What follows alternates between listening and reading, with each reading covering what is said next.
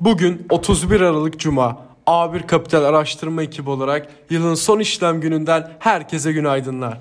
Wall Street'te dün düşüş vardı. ABD'den haftalık işsizlik maaşı başvurularında düşüş de dahil olmak üzere güçlü ABD verileriyle seans başındaki rekor seviyelerden kısmi realizasyon geri çekilme gördük. Ama genel çerçeve değişmedi. Chicago'dan gelen güçlü üretici verileri ve etkileyici ilk işsizlik başvuruları oldukça sağlıklı. Bir ekonomiyi göstermeye devam ediyor ve omikron varyantları üzerinde devam eden endişeleri açıkça göz ardı ediyor. 2021 yılına kısaca bakacak olursak S&P 500 yılı %27'den, Nasdaq %23 ve Dow yıllık artışı %20'lik seviyelerden Almanya'nın en büyük 40 şirketin hisse senetlerinin performansını yansıtan DAX endeksi ise 2021 yılını %15.79 yükselişle kapadı. Bu sene Delta ve Omikron ve her türlü sokağa çıkma yasağı ve seyahat kısıtlaması yaşadık. Ancak petrol talebi nispeten sağlam kaldı.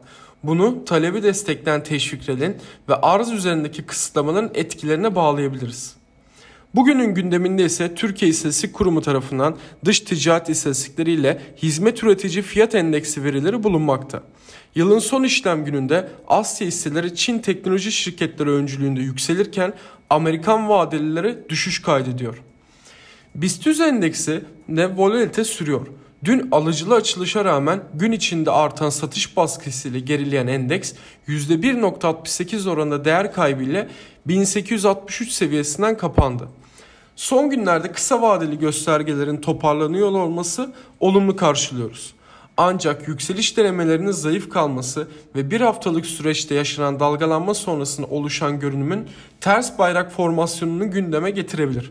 Yılın son gününde bahsettiğimiz formasyonun alt bandı konumunda olan 1860'ın üzerinde kalınmaması endekste baskıyı arttıracaktır. Bu desteğin kırılması halinde gün içi hareketlerde 1828 desteğine kadar gün içi geri çekilme görebiliriz. Herkese mutlu yıllar dileriz.